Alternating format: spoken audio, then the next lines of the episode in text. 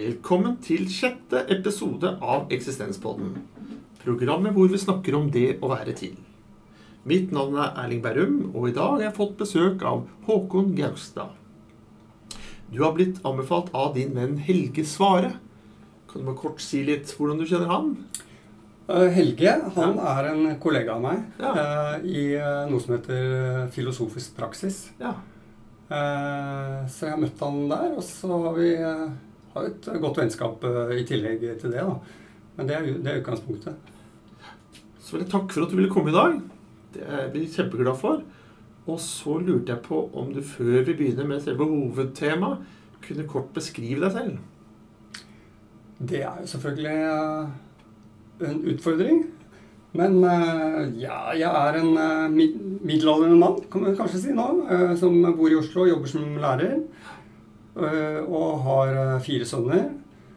Og er eh, veldig opptatt av å være ute i naturen. Ja. Og jeg er opptatt av musikk. Og jeg er opptatt av meditasjon og kunst. Og i det hele tatt uh, forsøke å gjøre tilværelsen mest mulig meningsfull. Jeg skjønner. Eh, hvis du skulle nevne noe om deg og ditt liv som lytterne kan ha godt av vite, eller som kan være noen sånn knagger i, i en sånn forståelse av deg og ditt liv, er det noe du vil nevne i den forbindelse? Ja, skal vi se. Altså, jeg jobber som lærer, som sagt. Eh, og så er jeg faktisk eh, opptatt av ikke jobbe for mye. Eh, sånn at jeg har tid til å følge opp eh, interesser og verdier som jeg syns er viktige. Og det er litt sånn, det går litt sånn i kunstnerisk og filosofisk retning, disse tingene jeg tenker på nå. Eh, Så det er en viktig del av, meg da, og mitt liv. Og da driver jeg litt med filosofisk praksis, som jeg allerede har nevnt. Øh, Og jeg er så mye ute i naturen og alt dette andre som jeg har snakket om. Og så driver jeg også og skriver litt. Eh, Så jeg er forfatter. Og har gitt ut min andre bok akkurat nå. Hva, hva heter den? Den heter 'Naturtilstander'. Ja. Eh, Og er en eh, liten, vakker, fin bok. Klok, håper jeg òg. Med naturbilder og aforistiske tekster om følelser.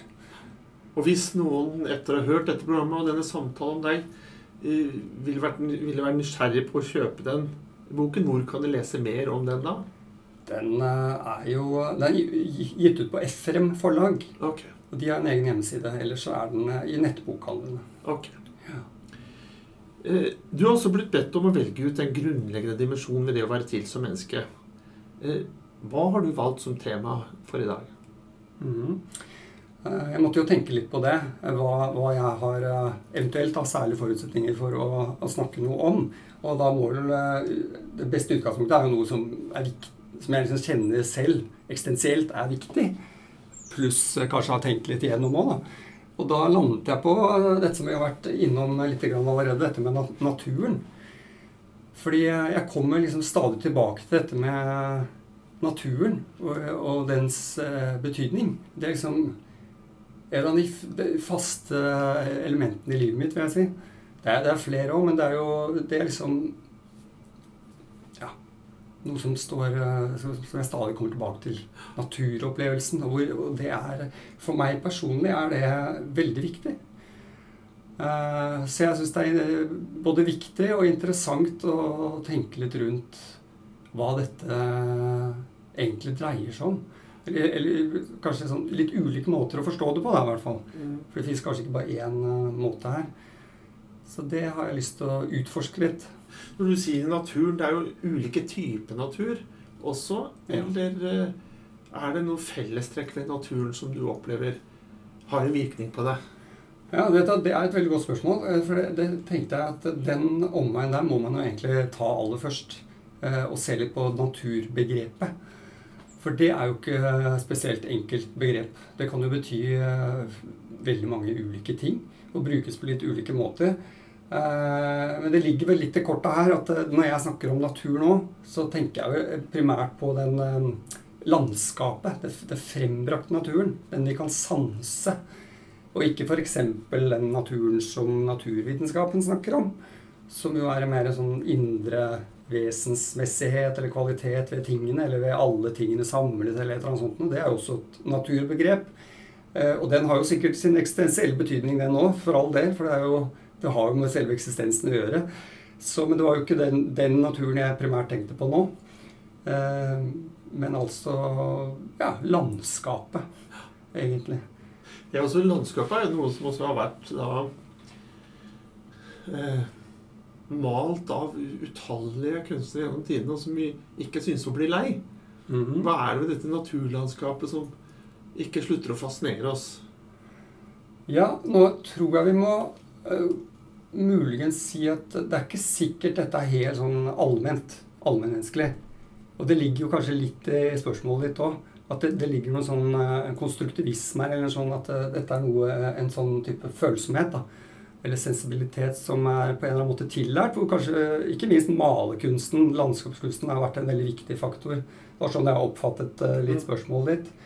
Så det å liksom si at alle er fascinert av naturen og sånn, blir, blir, vel å gå litt raskt fram, tenker jeg. Så det er liksom viktig å ha med alle først. Jeg personlig opplever jo opplever det jo litt sånn eh, allmennmenneskelig. Altså det er liksom en helt sånn spontan, naturlig, overstrømmende glede jeg opplever når jeg er i naturen. Men så, så har jeg jo lært uh, etter hvert, bl.a. fordi jeg har studert idéhistorie, at dette som sagt kanskje ikke er så naturlig da, å oppleve naturen på den måten. Så, så det må vi kanskje ha litt i bakhodet.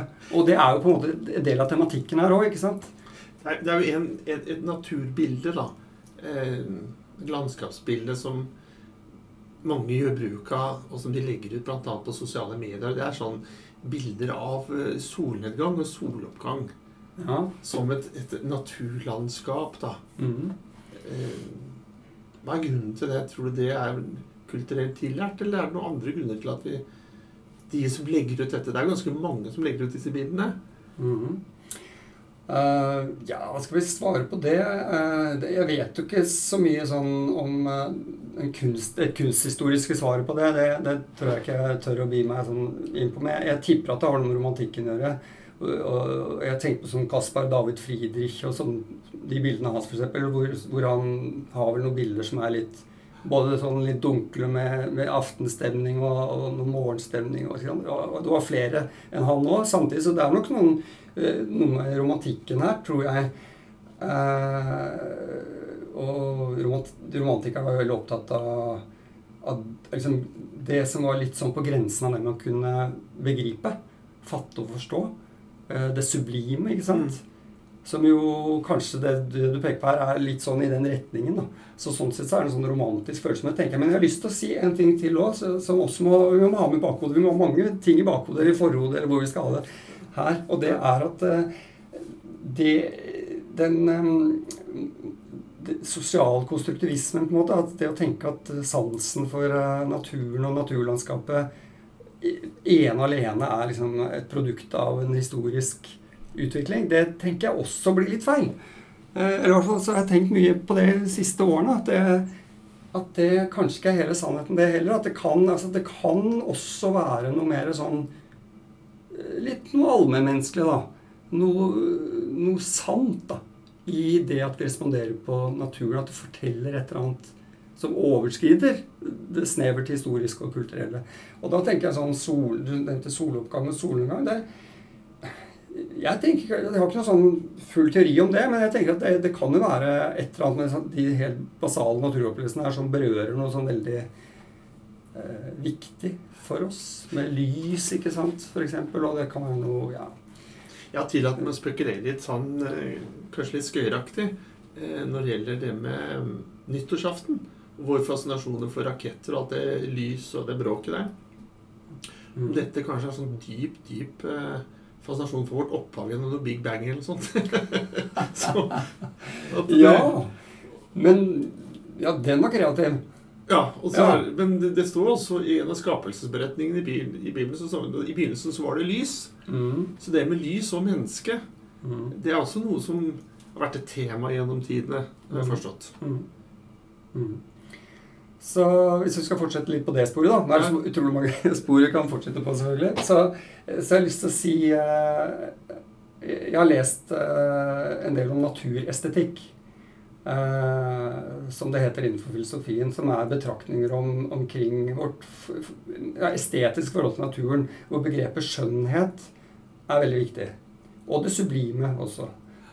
Eh, og da bare kom jeg på det. Det er en sånn dansk uh, idéhistoriker som heter Dorte Jørgensen. Hun har skrevet noen flotte bøker om skjønnhet i estetikkhistorien. Og, og hun har, har et sånt perspektiv som som gir en mulighet for å tenke sånn som jeg prøvde å tenke i stad. Men altså, at det er noe sånn uh, sannhet, et møte med en sannhet også når vi møter naturen. At vi møter ikke bare en sånn der, eh, et sånt bilde vi har lært å like på, på, på galleri, liksom. Men det er et eller annet møte der som er reelt. Møte med noe reelt bortenfor mennesker, kan du si. da. Eh, og, da og da er skjønnheten et veldig viktig begrep. Og det syns jeg er veldig, veldig interessant. At skjønnheten peker i noen veldig spennende retninger her. Eh, og da kommer vi bare for å fullføre dette her, da. Eh, hun snakker om to typer skjønnhet. Eh, og det er eh, det lysestetiske, altså det som har med det, liksom, det lysende, glansfulle, glitrende å gjøre, og det formestetiske. Eh, så da bare sånn, Siden vi snakka om lys, så liksom, ly, det er noe med det lysende som bringer oss til skjønnheten. Som, og nå kommer poenget, som igjen gir oss en opplevelse av å møte sannheten. Altså Bakenfor skjønnheten så står sannheten, på en måte. Det er spennende. Eh? Så skjønnheten er den sansemessige uttrykket for noe sånn tilgrunnliggende sant. Eh, og det syns jeg er et spennende perspektiv på, på vårt naturforhold. For å bare tenke litt med deg i den forbindelse, Jeg tenker litt også på Emanuel Kant med sin 'das Ting an sich', tingen i seg selv. Mm. Eh, erfaringen utenfor våre sanser. Mm. Eh, som vi aldri får tak i. Fordi ja. det går gjennom en fortolkning av oss. Eh, men likevel at det er noe utenfor oss. Ja. Eh, og utenfor vår fortolkning. Mm. og lyset kan kanskje være da eh, et uttrykk for dette utenfor oss som vi ikke helt får tak i. Ja. Um, for vi lyser jo ikke ut av oss selv. Nei. Lys er jo noe som kommer inn til oss, mm. og ikke ut fra oss. Mm. Men i forhold til uh, denne danske um, filosofen som du viste til ja. uh, Du sa også en ting var det lys, ja. og det som glinser og ja. lyser opp, men så også noe på det formmessige. Hva på det formmessige er også noe som på en måte gir en sånn opplevelse av skjønnhet og kanskje i neste omgang sannhet, som du sier? Ja, nei, det er jo liksom mer det Sånn som man ofte tenker faktisk skjønnhet, da. I sånn tradisjonell estetisk sammenheng. At det har med harmoni å gjøre, det har med proporsjonalitet å gjøre. Det har med at ting stemmer, er pent satt opp, det gylne snitt, alle disse tingene. Det er jo eh, begreper og, forståelsesmåter som hører hjemme i den tradisjonen. Hvor skjønnhet er at ting er i orden. Ikke sant? Og når ting er i orden, når, når det ser sånn ut, så gir det en opplevelse av å nærme seg sannheten. Som da per definisjon er orden, da, kan vi tenke oss. ikke sant? Den guddommelige orden gir seg uttrykk i et velordnet landskap, f.eks. Uh, og det bare en liten, Nå fikk jeg en assosiasjon der, og det er jo også litt sånn spennende i forhold til uh, um, hvilke typer landskap uh, vi har vært begeistret for. Eller som har fått positiv omtale, i hvert fall, opp gjennom idéhistorien. For der har det jo eh, vært en sånn Kan man kanskje si skal ta, gjøre en lang historie kort, så det, var liksom opprinnelig nettopp de der landskapene som var litt ordna. Velproporsjonerte, harmoniske, som ble eh, gjenstand for beundring. Renessansen og alt dette her. Og så, så, ble det en sånn forskyvning på et eller annet tidspunkt etter hvert, og det var særlig tydelig i romantikken, hvor man gikk ikke helt vekk fra det, men man man gikk, åpnet seg også opp for den mer da, den lysestetiske, eller det der som Den skjønnheten som er bortenfor formen, da, som handler om det man kanskje ikke helt forstår, men som allikevel da er vakkert. Men dette, er, dette får man også til å tenke på når du sier liksom orden. Men orden kan også da ses på som eh, mening. Ja. Eh, at eh, orden er et uttrykk for en mening.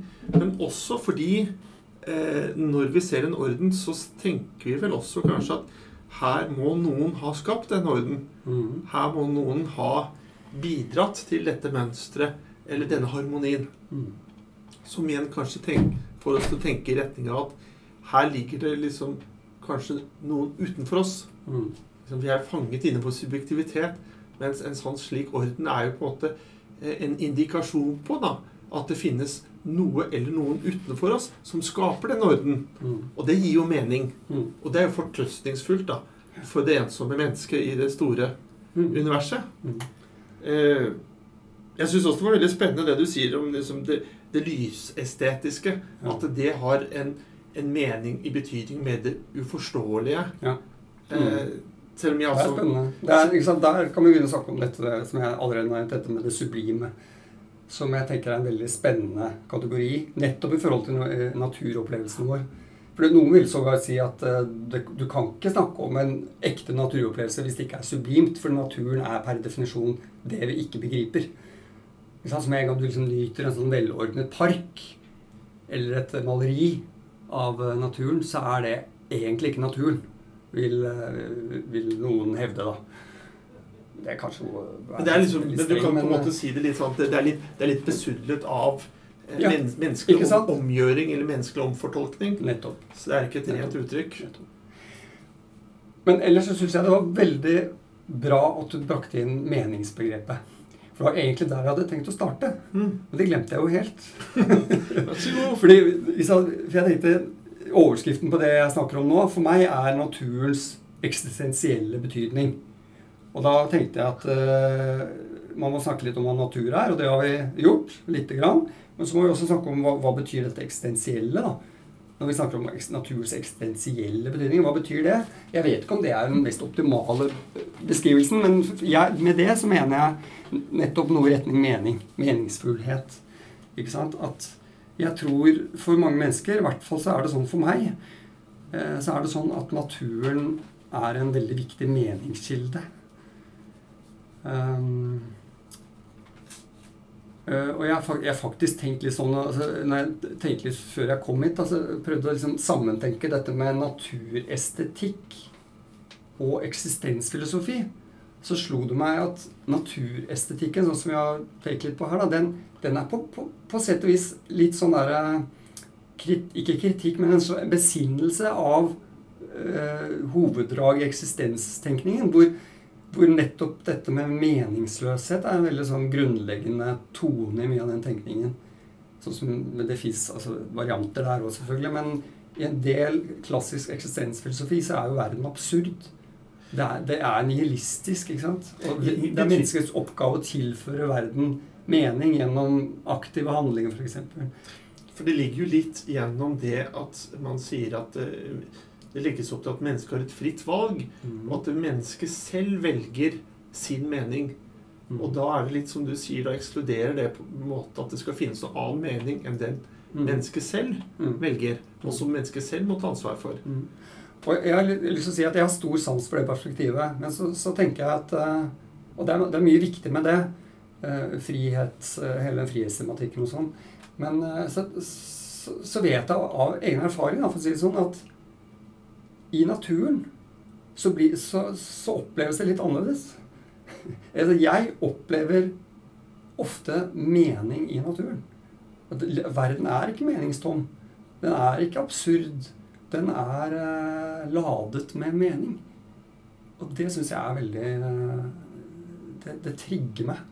Prøve, prøve å forstå hva dette her er for noe. hva slags type mening hvis du kan gå litt nærmere inn på hva slags type mening finner du i naturen?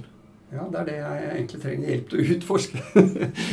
Men vi kan jo prøve oss. altså Nå har vi jo allerede snakka litt om altså, Jeg tror begrepet skjønnhet, og kanskje særlig begrepet det sublime, er spennende innfallsvinkler til det spørsmålet.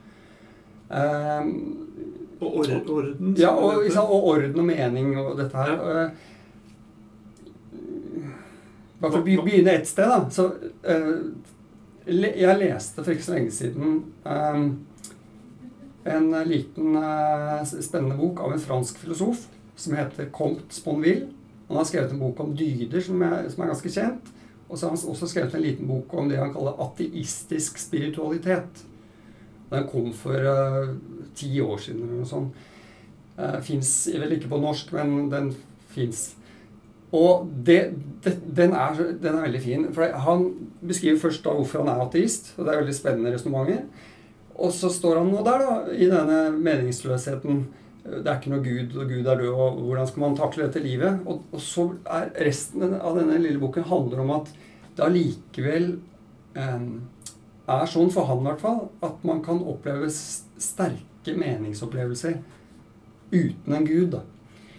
Eh, og det eksempelet han bruker, er nettopp en naturopplevelse. Eh, og overskriften på den beskrivelsen hans er eh, Da bruker han ordet mystikk. Så det han egentlig beskriver, er en naturmystisk opplevelse. Så han har altså avvist at det finnes noen gud, i sånn tradisjonell teistisk forstand, da, vel å merke. Det er jo kanskje viktig å få med seg det. Mm. Og så beskriver han en, noe man kanskje kunne forveksle med en religiøs opplevelse, men så han velger å kalle det en spirituell opplevelse, og det er naturopplevelsen som er poenget her. Eh, og det er en sånn mystisk opplevelse som da er karakterisert ved, nettopp dette som vi kanskje har så vidt pekt på allerede. Dette med å, be, å liksom gå opp i noe som er større enn det mennesket kan gripe og kontrollere. Det er liksom noe av det essensielle i den opplevelsen. Gå opp i noe større enn seg selv. Og det tror jeg mm, det, det, er det mange som kan kjenne seg igjen i. Eh, angående det temaet vi snakker om nå. I, i, i Dostojevskijs 'Brødrene Karamazov' så tematiserer eh, Dostojevskij dette med eh, mennesket som det stridige dyret. Mennesker som motsetter seg sin natur, da. Mm -hmm. Og som tar avstand fra sitt slektskap med naturen og dyr. Eh, har du tenkt noe på det? Hvordan vi mennesker eh, ja, i hvert fall opptrer som vi var veldig forskjellige fra eh, dyr og natur. Når du ser på oss som biologiske vesener og vårt genetiske materiale, så er det jo nesten Vi er jo nesten omtrent det samme. Jeg tenker på sånn sammenlignet med sånn som Er det ikke gris og en del andre dyr, sjimpanse og sånn, så er vi på noen og 90% samme DNA. Ja. Mm. Og likevel så skal vi være så forskjellige at vi spiser dem opp. Ja. Ja, nei, det er et stort tema. Som ikke har noe med skjønnhet å gjøre.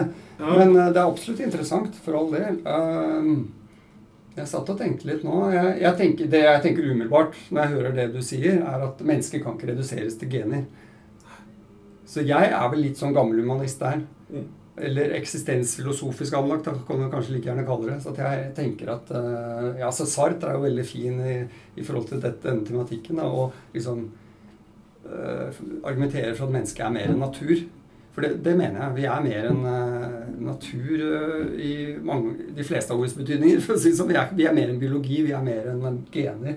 Vi er jo det dyret som uh, kan, eh, som er bevisst vår egen eksistens. Vi har selvbevissthet. Og det gjør at vi er, er, eh, er litt annerledes. Men det legitimerer ikke sånn industrielt landbruk og sånn. Det, det syns jeg ikke. Det ville jeg ikke sagt. Det er jo de som mener Men, at vi skal leve med naturen, som naturen. Ja. Og så er det de som mener at det trenger vi ikke gjøre i det hele tatt. Nei, jeg tror kanskje ikke vi skal det. Det kommer selvfølgelig an på hva man uh, mener med begrepet natur. Ja, for du, når, du snakker, ja, når du snakker om liksom naturen som på det, dette mystiske ved naturen som en sånn mystisk mening mm -hmm. eh, en annen, eh, Et annet aspekt kan også være hvordan naturen ofte representerer eh, en, en, sammenheng mm. som ofte ligger utenfor vår eh, fatteevne. Mm. Men vitenskapen jobber jo med å avdekke det. Men det er liksom finurlige sammenhenger i naturen som eh, som er mildt sagt imponerende. Ja. Eh, men nå driver vi jo og beveger oss inn mot å endre noe på denne naturen i seg selv ved å begynne å liksom manipulere litt sånn genetisk materiale og, mm. og så videre. Hva tenker du om det? Kan vi ødelegge denne skjønnheten og orden utenfor oss ved å tukle med naturen? Ja. Nå, nå tenker jeg to ting. Og det er eh, tanker jeg mener er relevante innenfor den de rammene jeg har satt for denne samtalen.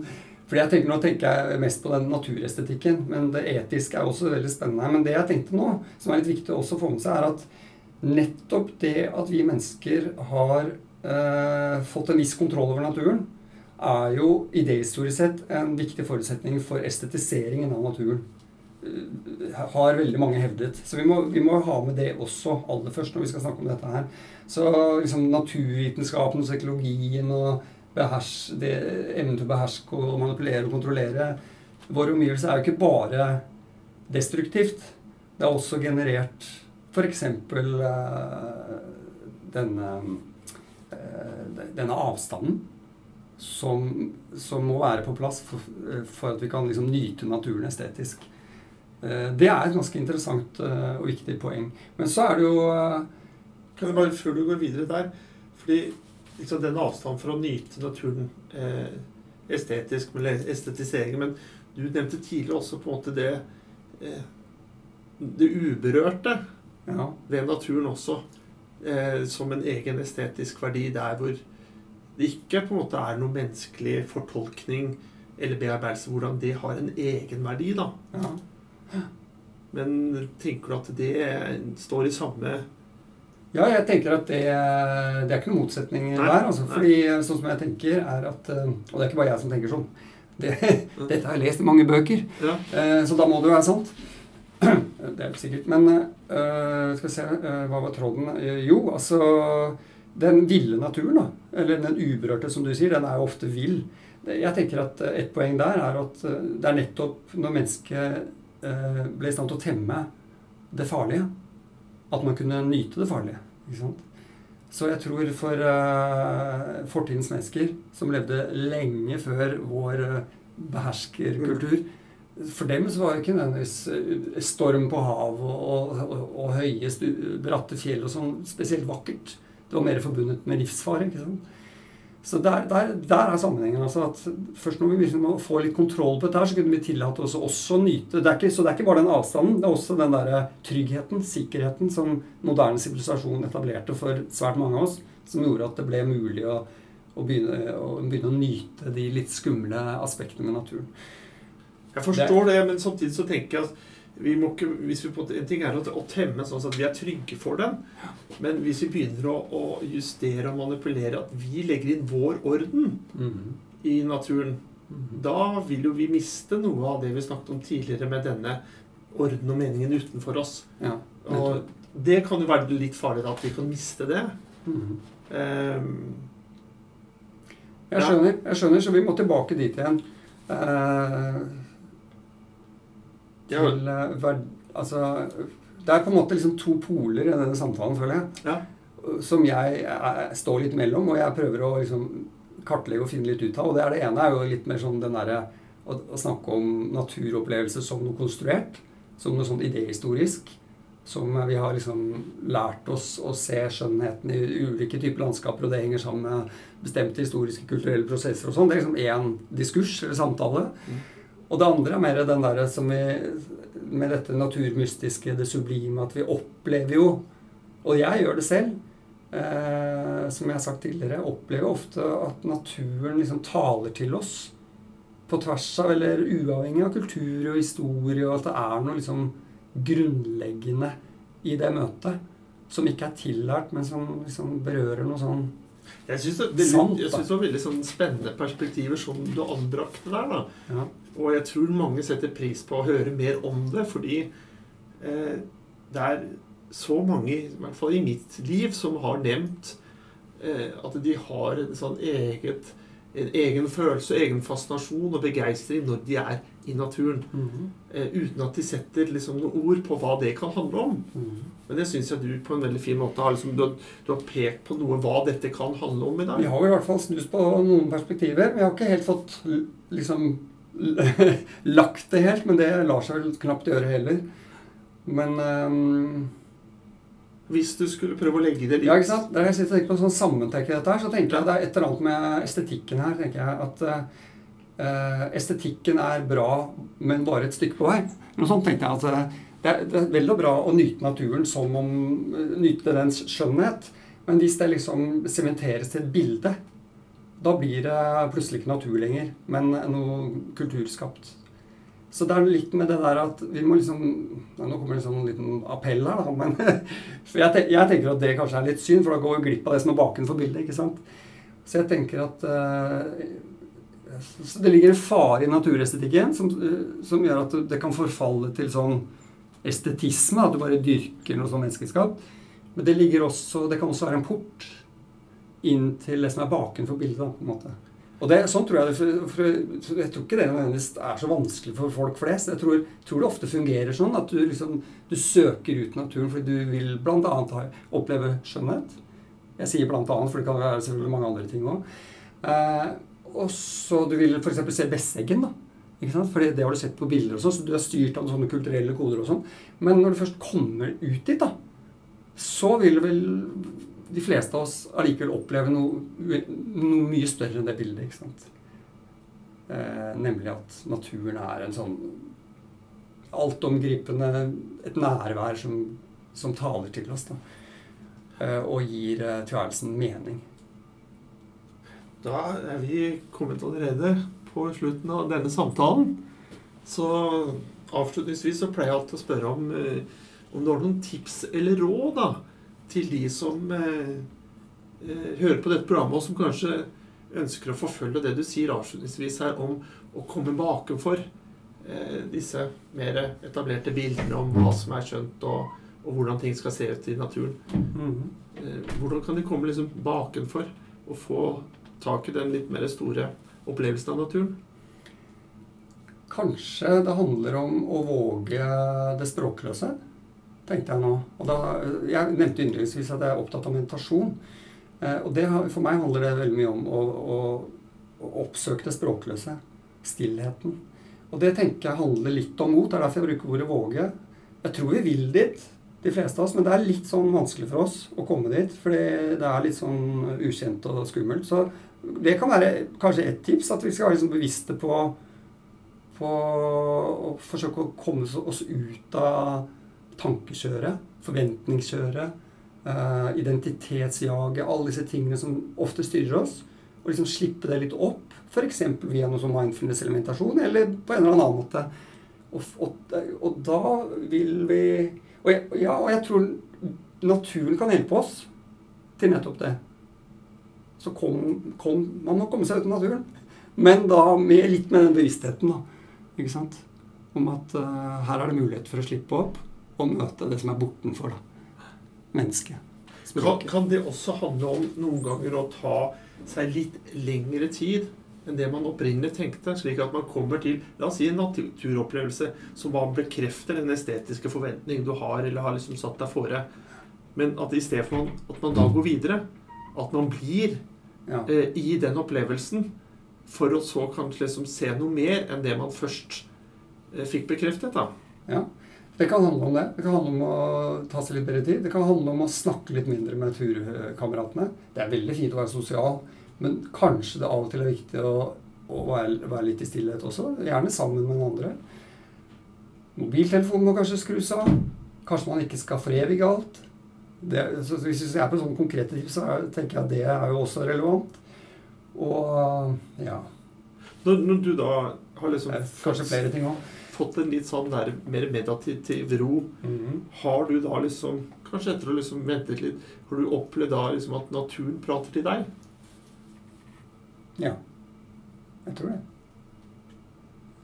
Ikke helt sånn bokstavelig forstand, selvfølgelig, men øh, øh, jeg har erfaringer med sant, at hvor nærværende naturen er. Det varierer litt, og det varierer litt i forhold til noen av disse tingene vi snakker om. ikke sant? Det gjør jo det, selvfølgelig, hvor tilstedeværende vi er. Eh, som har med mobil, telefon og sosialitet og tankene du har i hodet og alt det der å gjøre. Så, så hvis du klarer å liksom håndtere det litt sånn fornuftig og tune deg inn på denne tilstedeværelsen, så ja, jeg, jeg opplevd det da at naturen i større grad melder seg som natur for meg. Og det er, altså bare tilbake til det, det er, For meg er det en veldig sånn nærende, lindrende, mystisk, meningsfull opplevelse. Da, da er Sarts kvalme og alt det der langt unna for meg. Altså. Det syns jeg var en veldig fin og god avslutning på, på denne samtalen. Da takker jeg for samtalen. Eh, så takker jeg også alle lyttere som har fulgt oss denne halvtimen. Og til vi høres igjen, så ønsker jeg alle gode dager. Takk for nå.